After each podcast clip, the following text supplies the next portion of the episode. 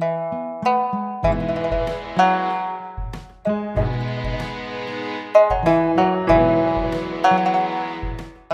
بيكم في حلقة جديدة من سلمون بودكاست. أنا إسرة صالح.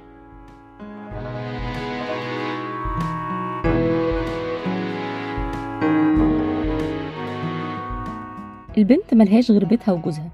الجملة دي بنسمعها كتير من وإحنا صغيرين يا إما في الأفلام أو المسلسلات أو حتى في بيت أهلنا عادي. طب لو البنت مثلا اختارت إن بيتها ما يكونش هو بيت جوزها يعني لو في بنت مثلا قررت إنها رافضة الجواز أو مش حاسة إن دي محطة مهمة في حياتها وإنها عادي ممكن تعيش حياتها من غير ما تكون زي ما بيقولوا في عصمة راجل هل المجتمع هيقبل ده؟ هل هيحترم اختيارها ورغبتها دي؟ في الحلقة دي هنسمع من ريهام وولاء وإيرن ثلاث بنات من مصر واخدين قرار بعدم الزواج كل واحدة فيهم عندها أسبابها اللي هنتعرف عليها بس كمان هنسمع المجتمع إزاي قابل قرارهم ده. ريهام رافضة الجواز لأنها شايفة إن الجواز في مصر هو جزء من منظومة أكبر بتظلم الستات وبتفرض عليهم أطر وقيود هي مش حابة تكون جزء منها. لما بتكبري في مصر وانتي رافضة حاجات كتير بالتبعية بيبقى الجواز واحد منهم. فهو مش بيبقى القرار آه، بتصحي الصبح لا أنا مش عايزة أتجوز أو الجواز هو اللي بيبقى العقدة. هي بتبقى معطيات كتير قوي وصلت للحظة دي. أنا مش عايزة أتجوز لو أنا لأني أنا ببساطة أنا مش عايزة أبقى جزء من المنظومة دي. أنا مش عايزة يبقى بيحصل فيا زي اللي بيحصل في الستات كل يوم.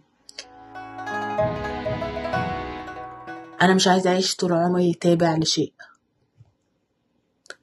مش عايزة قوانين شايفة إن أنا إن أنا مملوكة لشخص تاني لمجرد إن هو ذكر. الجواز بالنسبة لي بالمحيط ده بقى شيء شبيه بالعبودية لحد كبير جدا. وتقريبا دي نفس الأسباب اللي خلت ولاء ترفض الجواز برضه وشايفة إنها تقدر تبني حياتها بنفسها من غير ما تكون محتاجة لوجود راجل فيها. يعني أنا دلوقتي بدور عن حياة أو أو بالفعل ابتديت أعمل حياة أنا بسعى لها. يمكن من ال- اللي أنا مريت بتجارب ما ساعدتنيش اللي أنا أقدر أعمل ده بقت تخوفني أكتر. يمكن تجارب الناس اللي حواليا مش ناجحة. الأخبار اللي الواحد بيشوفها دايما يعني بقيت متأثرة أكتر بفكرة إنه آم، اللي أنا مش هدخل أبني حياة جديدة أنا هدخل حرب. أما إيرين فهي رفضت الجواز بعد ما تعرضت للخيانة من خطيبها السابق اللي كان شايف إن ده شيء طبيعي لأن هو راجل بس هي شافت إن دي إهانة مش المفروض تقبل بيها خصوصا إنها متربية في بيت قايم على الاحترام والمشاركة بين الزوجين. هم في حياتهم الزوجية حتى قدامنا طول عمرنا أنا وأخويا متعودين على المشاركة يعني في كل حاجة سواء في, في, في البيت في تربيتنا في كل حاجة بصراحة.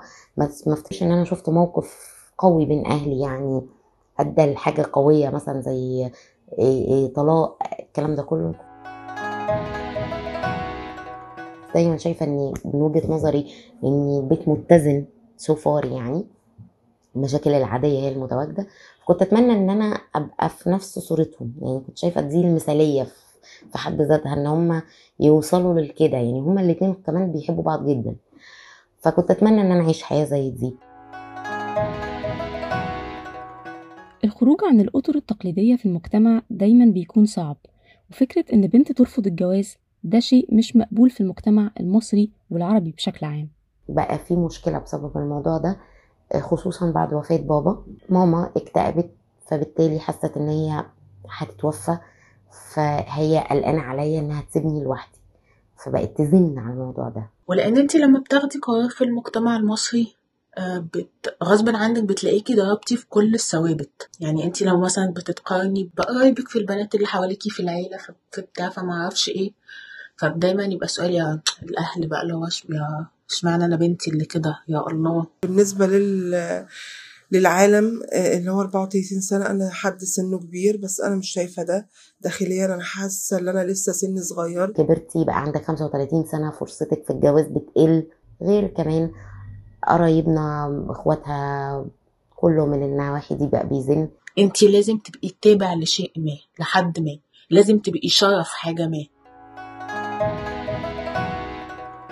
يعني بيقولوا لي مثلا اللي انت دماغك غريبة أفكارك غريبة مريبة اللي أنت مش هتلاقي حد. آه، أنت جاية من كوكب تاني أنت عايشة في الأحلام. في المجتمع ده أنت عمرك ما مسموح لك إن أنت تبقي أنت. أنت بتحلمي أحلام ممكن ما تتحققش. أنت حياتك عشوائية. يعني في العيلة لازم تبقي شرف العيلة. بعدين علشان تخرجي من وصاية العيلة لازم تبقي في عصمة راجل زي ما بيقولوا. عريس. قوله لابن الحلال يستنى لأنه العالم عم بستناني بلاقي شريكي بعد ما الاقي حالي. حاليا صحتي العزوبية. المجتمع بيعاقب النساء اللي عندها اختيارات مختلفة عن السائد أو المألوف بالوصم أو بالنبذ بس ده كمان بيكون ليه تأثير سلبي عليهم. بطلت أروح آه، أزور بلد أهل أبويا أو جدتي بسبب إنه أنا بالنسبة لهم جدة. بقوا يخلوني إن أنا مش عايزة أبقى بواجه ال... يعني أو أتجنب إن أنا أقابلهم. حرفيا 34 سنة أنا جدة. لأن أنا أقعد لوحدي أحسن لأن أنا أواجه بزيادة اكتئاب نفسي من الكلام اللي بيأثر فيا بالسلب ده. تبقي حاسة إن انت في حرب. والمشكلة إن انت حرب انت مش عايزة مكاسب. انت بس عايزة تكوني نفسك. كبيرة مش لاقية لها نهاية. كل يوم بقول هتخلص وابتدي نفس البداية قولي ليه تحولها لحرب؟ ليه تحول؟ عايزة بس تتكلمي بصوت عايزة تبقي موجودة مش عايزة تبقي منسحقة. ولو انت بنت في مجتمع زي مجتمعنا مش عايزة تتجوزي غالبا هتلاقي نفسك بتعدي بشوية مواقف كده معظمها هتكون متشابهة من المجتمع المحيط بيكي. آه طبعا ما انتي الوحيدة اللي قاعدة. اتجوزي بقى إيه حد يتبرع ويحاول بقى جواز صالونات وعرفك والشغل ده. آه، أنا فاكرة إنه في حد قال لأختي أخت يعني لما راحت قال لها إن أختك لو كانت هنا كانت زمانها بتجوز بناتها. كان أكتر جملة بتتقالي اللي هو انت انت فاكرة نفسك مين؟ مش مش معنى انت اللي كده يعني. الاقي واحدة صاحبتي مع جايبالي واحد آه، مش عارف صاحب جوزها. لا تعرفنا ببعض شوفوا لو تنفعوا بعض. طبعا كان موقف سخيف جدا. لا سبت القعدة ومشيت. حد من قرايبنا هي قررت وهي بتسلم عليا إنها تمسك إيدي وتشوف إذا كان فيها دبلة ولا لأ. وبرضه الموضوع مش هيعدي كده من غير شوية ابتزاز عاطفي. اللي هو وسيلة قديمة برضه في التعبير عن رفض المجتمع لخروجك عن الخط المرسوم ليكي كواحدة ست. هتفضلي قاعدة لنا لحد إمتى؟ كل شوية ترفضي ترفضي لحد لما تعجزي وتبقي لوحدك. ممكن يكون فرصك في حوار اللي انت تخلفي طفل أو طفلة قليلة في الحياة مش هتلحقي كأنه سباق مثلا. وبالتالي لما بتخرجي عن الخط المتحدد ليكي ده بيترتب عليه شوية ردود فعل على الأغلب أي ست مختلفة هتتعرض لها. تلقيح الكلام وحش. إن كنت قبلته مرة مش هقبله التانية. هم عايزين يفرحوا. بس لا يعني أنا السبب اللي هو الفرحة لسه ما دخلتش البيت. لأن أنا كنتش متوقع من صحابي ومن المجتمع إيه اختيار زي ده مش مألوف بالنسبة لكم. ليه يعني؟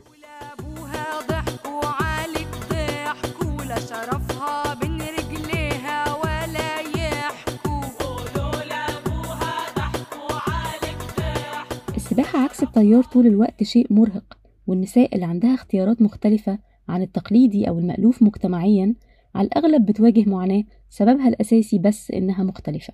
أنت طول الوقت عايز تحس بتقبل عايز تحس بحب. ما بقاش كمان مرغوب فيا وفي نفس الوقت بقت اللي أنا بتأثر عليا وفي نفس الوقت هم كمان بقوا ما يقولوليش.